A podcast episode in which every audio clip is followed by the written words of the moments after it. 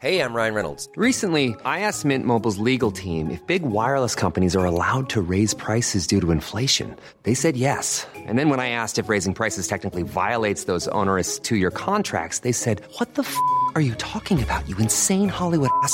So to recap, we're cutting the price of Mint Unlimited from $30 a month to just $15 a month. Give it a try at mintmobile.com slash switch. $45 upfront for three months plus taxes and fees. Promo rate for new customers for limited time. Unlimited more than 40 gigabytes per month. Slows. Full terms at mintmobile.com.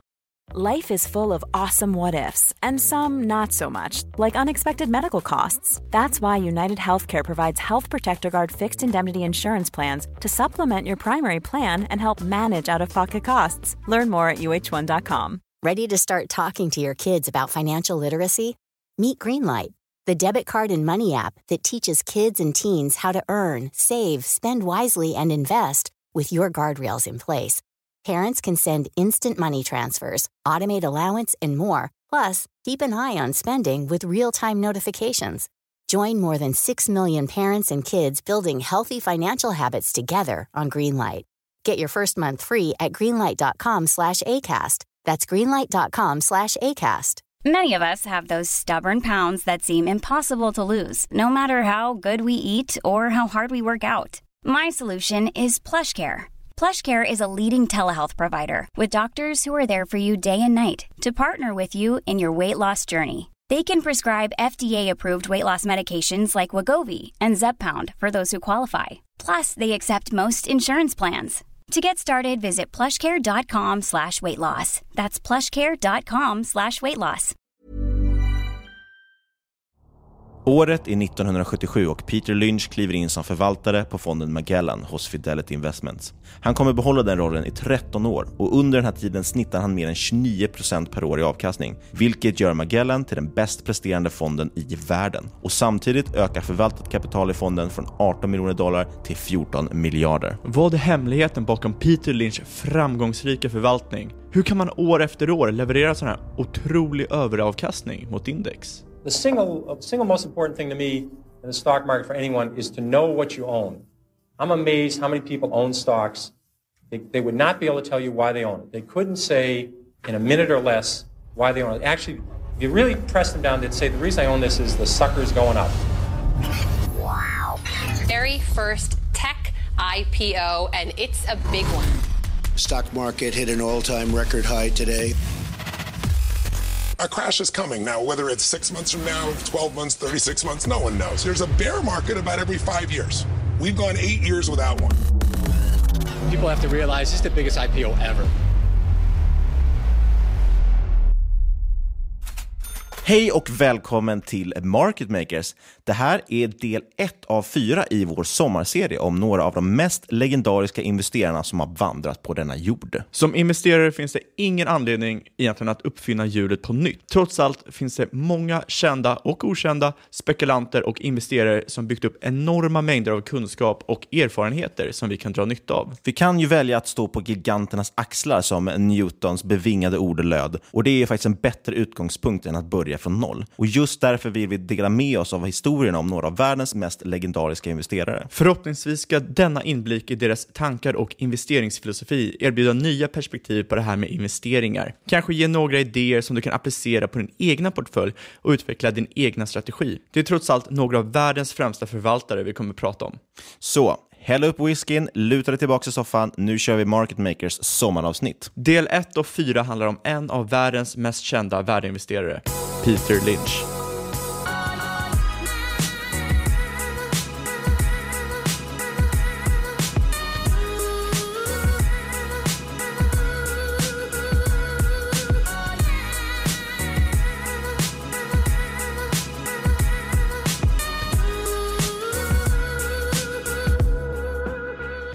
Peter Lynch är ett namn som klingar bekant för de flesta. Kanske har du talat om begreppet lynchning, eller så har du läst någon av hans fantastiska böcker om investeringar. Det är ju nämligen så att Lynch han har inte bara förvaltat världens bäst presterande fond, det var liksom inte nog, utan han har också skrivit tre odödliga investeringsböcker. One Up on Wall Street, Beating the Street och Learn to Earn. Det är från Lynchs böcker och artiklar som flera vanliga investeringstips kommer. Till exempel det här med att man ska köpa vad man förstår, att man inte ska försöka tajma marknaden och att det är bättre att investera i bolaget som säljer spar spadarna än som gräver guldet. Han myntade även begreppet ten-bagger, men mer om det senare. Först och främst undrar man ju, hur blir man så duktig som Peter Lynch? Är han ett underbarn? Och faktum är att Peter Lynch själv, han anser att man föds inte med en förmåga att hitta bra investeringar.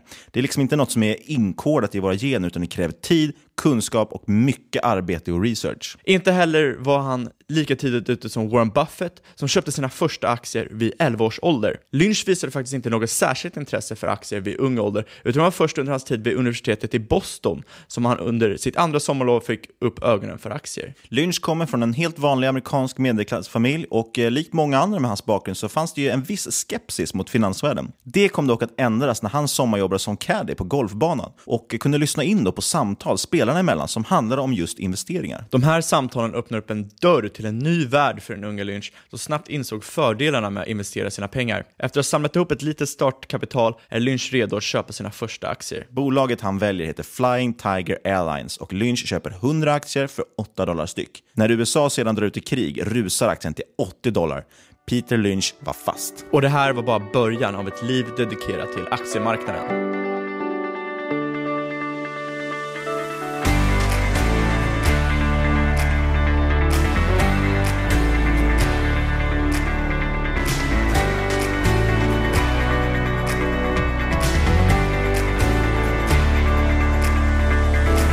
Efter studier vid Boston University och senare vid Wharton School of Business börjar Lynch sin karriär 1968 som analytiker på Fidelity Investment. Varför det blev just Fidelity beror delvis på hans sommarjobb som caddy som vi nämnde tidigare. En av golfarna han var caddy åt var nämligen Fidelitys dåvarande VD, D. George Sullivan. Och under de kommande åren jobbar sig Lynch upp från analytiker till Head of Research för att till slut 1977 landa ett jobb som portföljförvaltare för den då tämligen okända fonden Magellan. Trots krascher, recessioner, krig och och depressioner så har aktier över tid alltid avkastat mer än obligationer. Den här observationen leder Lynch till åsikten att man bör sikta på att maximera allokering i aktier om man investerar långsiktigt, då möjligheten till god avkastning är större. Den enda anledningen till varför man möjligtvis skulle vikta över till obligationer vore om man antingen behöver pengarna inom en snar framtid eller om man inte har den emotionella stabiliteten för att klara av att ligga fullinvesterade i aktier. För att citera Peter Lynch själv, “Gentlemen who prefer bonds don't know what they're missing”. Även om Lynch anser att man bör maximera sin allokering i aktier så förespråkar han ändå att majoriteten bör fundera över att köpa en bostad innan de går in på aktiemarknaden. En idé som grundar sig i att det är väldigt sällsynt att individer förlorar sina livsbesparingar på bostadsmarknaden. Något som tyvärr skett titt som tätt på aktiemarknaden. Lynch tycker också att man bör ställa sig frågan om man har råd att avvara pengarna, samt om man har tålamodet och envisheten att låta pengarna ligga investerade och växa, även i tuffare marknadsklimat.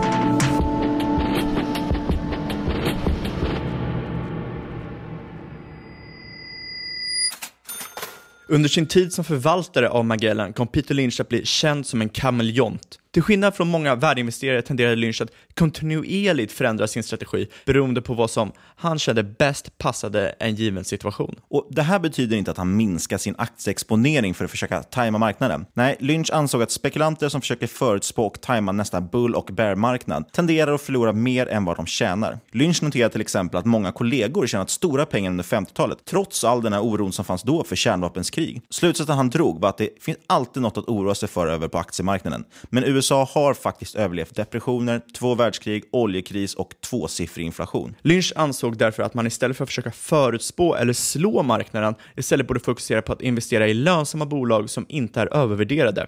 Ett av Lynchs mest kända citat handlar om market timing och lyder “Far more money has been lost by investors preparing for corrections or trying to anticipate corrections than has been lost in the corrections themselves”.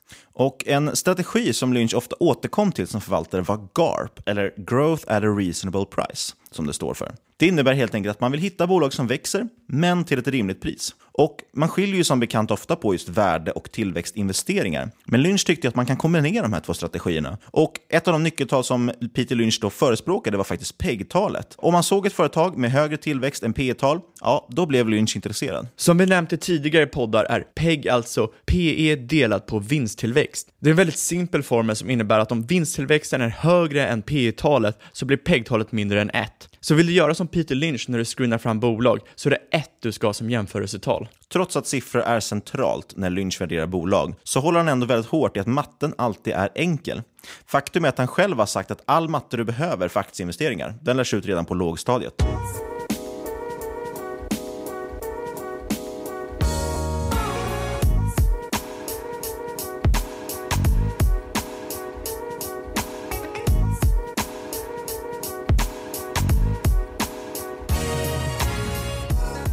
Men det här med lynchningar då, som man hör så mycket om, var kommer det ifrån? Och varför är det sån tjat om att man ska köpa det man förstår? Faktum är att Lynch själv han har kommenterat på att allmänheten har misstolkat vad han egentligen menade med det här. Ofta så sägs en lynchning vara att man utgår från sitt egna perspektiv för att göra en analys. Som exempel kanske man knallar in på Starbucks, noterar att det är mycket folk och kaffet är gott och sen slutar man liksom sin analys där. Och det var inte alls det här Lynch menade. Istället för att sluta sin analys där är det där den ska börja. Lynch menar att de flesta investerare borde börja där det står. Om du redan jobbar inom en viss bransch finns det faktiskt en stor sannolikhet att du redan vet mer om den industrin än många proffsanalytiker. Titta dig omkring. Vad ser du för företag som verkar intressanta? Och istället för att hoppa in i aktier du aldrig hört talas om och utan att förstå vad det är du köper, så kan du utgå från din egen erfarenhet och analysera de bolag du kanske stöter på i din vardag eller arbetsliv. Lynch sa att om man bara är halvalert kan man faktiskt hitta fantastiska aktier på sin arbetsplats eller i närliggande gallerian och dessutom långt innan Wall Street får nys om bolagen. Men att inte göra någon analys innan du köper likställer Lynch med att spela poker utan att kolla på korten. Alltså,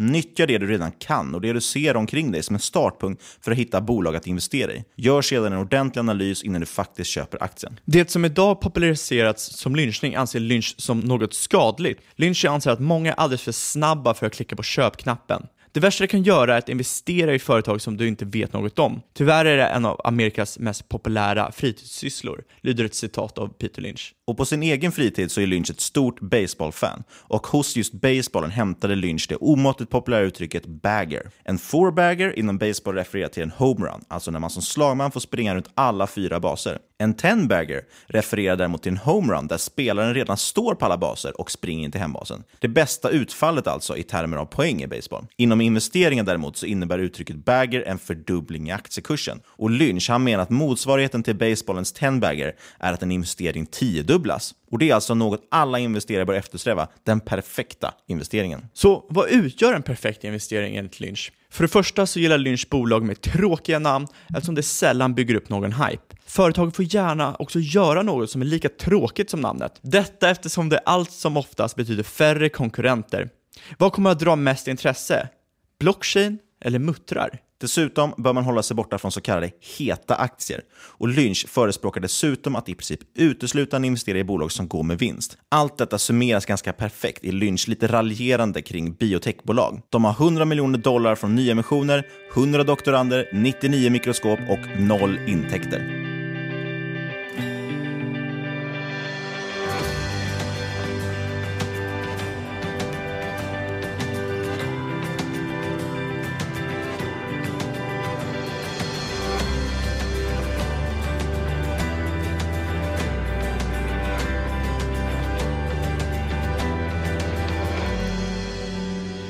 Mycket av det Lynch lär ut är faktiskt ganska enkelt i teorin, men som vanligt ligger problemet i att ha disciplin nog att följa reglerna. Det är lätt att dras med när marknaden är skakig och alla så kallade experter skriker sälj. Det som Lynch förespråkar är då att man ska tänka på att det finns ett företag bakom aktien, fokusera på vad de arbetar med, inte vad marknaden håller på med. Och en av nycklarna bakom att tjäna pengar på aktier är enligt Lynch själv att inte bli rädd för aktier. Allt du behöver för en livstid av framgångsrika investeringar är faktiskt en handfull vinnare. Och den överavkastningen som de här 10 baggers ger kompenserar för de miner du kanske gått på under tiden. Man ska tänka på att det är ett maraton och inte en sprint. Och Lynch anser att trots alla överraskningar längs vägen så är det faktiskt relativt enkelt att förutspå hur en aktie ska utvecklas över en 20-årsperiod. När det gäller om aktien ska upp eller ner de kommande 2-3 åren däremot så kan man lika gärna singla slant. Och Peter Lynch har även sagt att en typisk vinnare i hans portfölj, den tar ofta 3-10 år att spela ut. Du behöver alltså inte vara först med att upptäcka en aktie. Du kan ta god tid på dig att analysera tills du verkligen hittar ett fantastiskt bolag som visar god lönsamhet och tillväxt över tid. Sen är det bara att egentligen nyttja marknadens svängningar till din fördel. Köp när det ser billigt ut. När det gäller marknadens svängningar så tycker jag som sagt att det inte är något man behöver oroa sig för. Givetvis finns det övervärderade marknader, men fokusera på de bakomliggande fundamentan, hur företaget faktiskt presterar och sätt detta i relation till priset på aktien. Kom ihåg, tillväxt till ett rimligt pris. Samtidigt får man dock inte glömma att man måste kunna ändra sig över tid. Det finns inget som heter buy and hold forever i Lynchs värld. Det är faktiskt något som kan ses i Lynchs bok Beating the Street, där han applicerar den teori som lärdes ut i föregångaren One Up on Wall Street. Flera företag som då var fantastiska case när boken skrevs, till exempel Toys R Us, de har faktiskt numera gått i konkurs. Lynch tycker att man behöver inte skämmas över att förlora pengar på en aktie. Det gör alla. Det som man bör skämmas över är att hålla kvar en aktie, eller ännu värre, köpa mer när bolagets fundamenta utvecklas åt fel håll. If you don't understand it, it doesn't work. This is the single biggest principle. And it bothers me that people are very careful with their money. The public, when they buy a refrigerator, they get a consumer reports, they buy a microwave oven, they do that. They ask people what's the best kind of radar range or, they, or what kind of car to buy. They do research on apartments. When they go to when they go on a trip to Wyoming, they get the mobile travel guide, or California. When they go to Europe, they get the Michelin travel guide. People will hear a tip on a bus on some stock, and they'll put half their life savings in it before sunset, and they wonder why they lose money in the stock market. That is garbage. They didn't do any research. They bought a piece of junk. They didn't look at the balance sheet, and that's what you get for it. I'm trying to convince people there is a method. There are reasons for stocks that go up. Coca-Cola is earning 30 times per share what they did 32 years ago. The stock has gone up 30 fold. Stocks are not lottery tickets. There's a company behind every stock. If a company does well, the stock does well. It's not that complicated.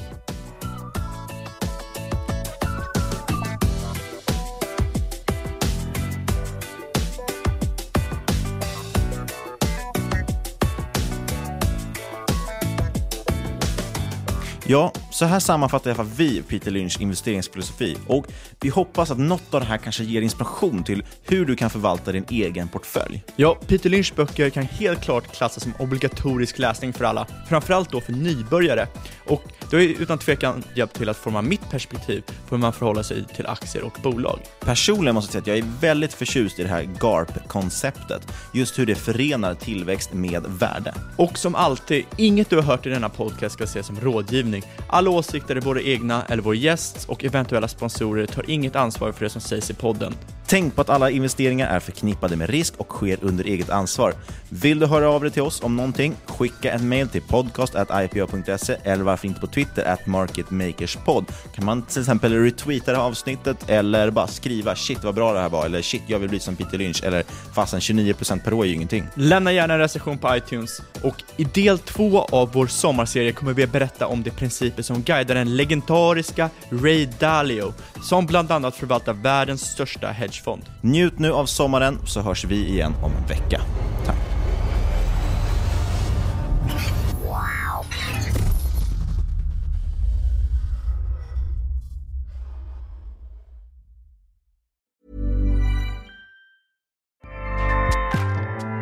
ACAST powers the world's best podcasts. Here's a show that we recommend. The Real Housewives is a guilty pleasure for most, but if you're looking to not feel guilty about that pleasure, tune in to Everything Iconic with me, Danny Pellegrino, where I break down all the messy moments and behind the scenes antics of Bravo's popular franchise. And on Everything Iconic, I also interview celebrity guests like Kelly Ripa, Kiki Palmer, Drew Barrymore, Cameron Diaz, and more about their guilty pleasures, their past work, and so much more. So if you're pop culture obsessed and find yourself watching way too much reality TV like me, tune in to Everything Iconic with Danny Pellegrino wherever you listen to podcasts.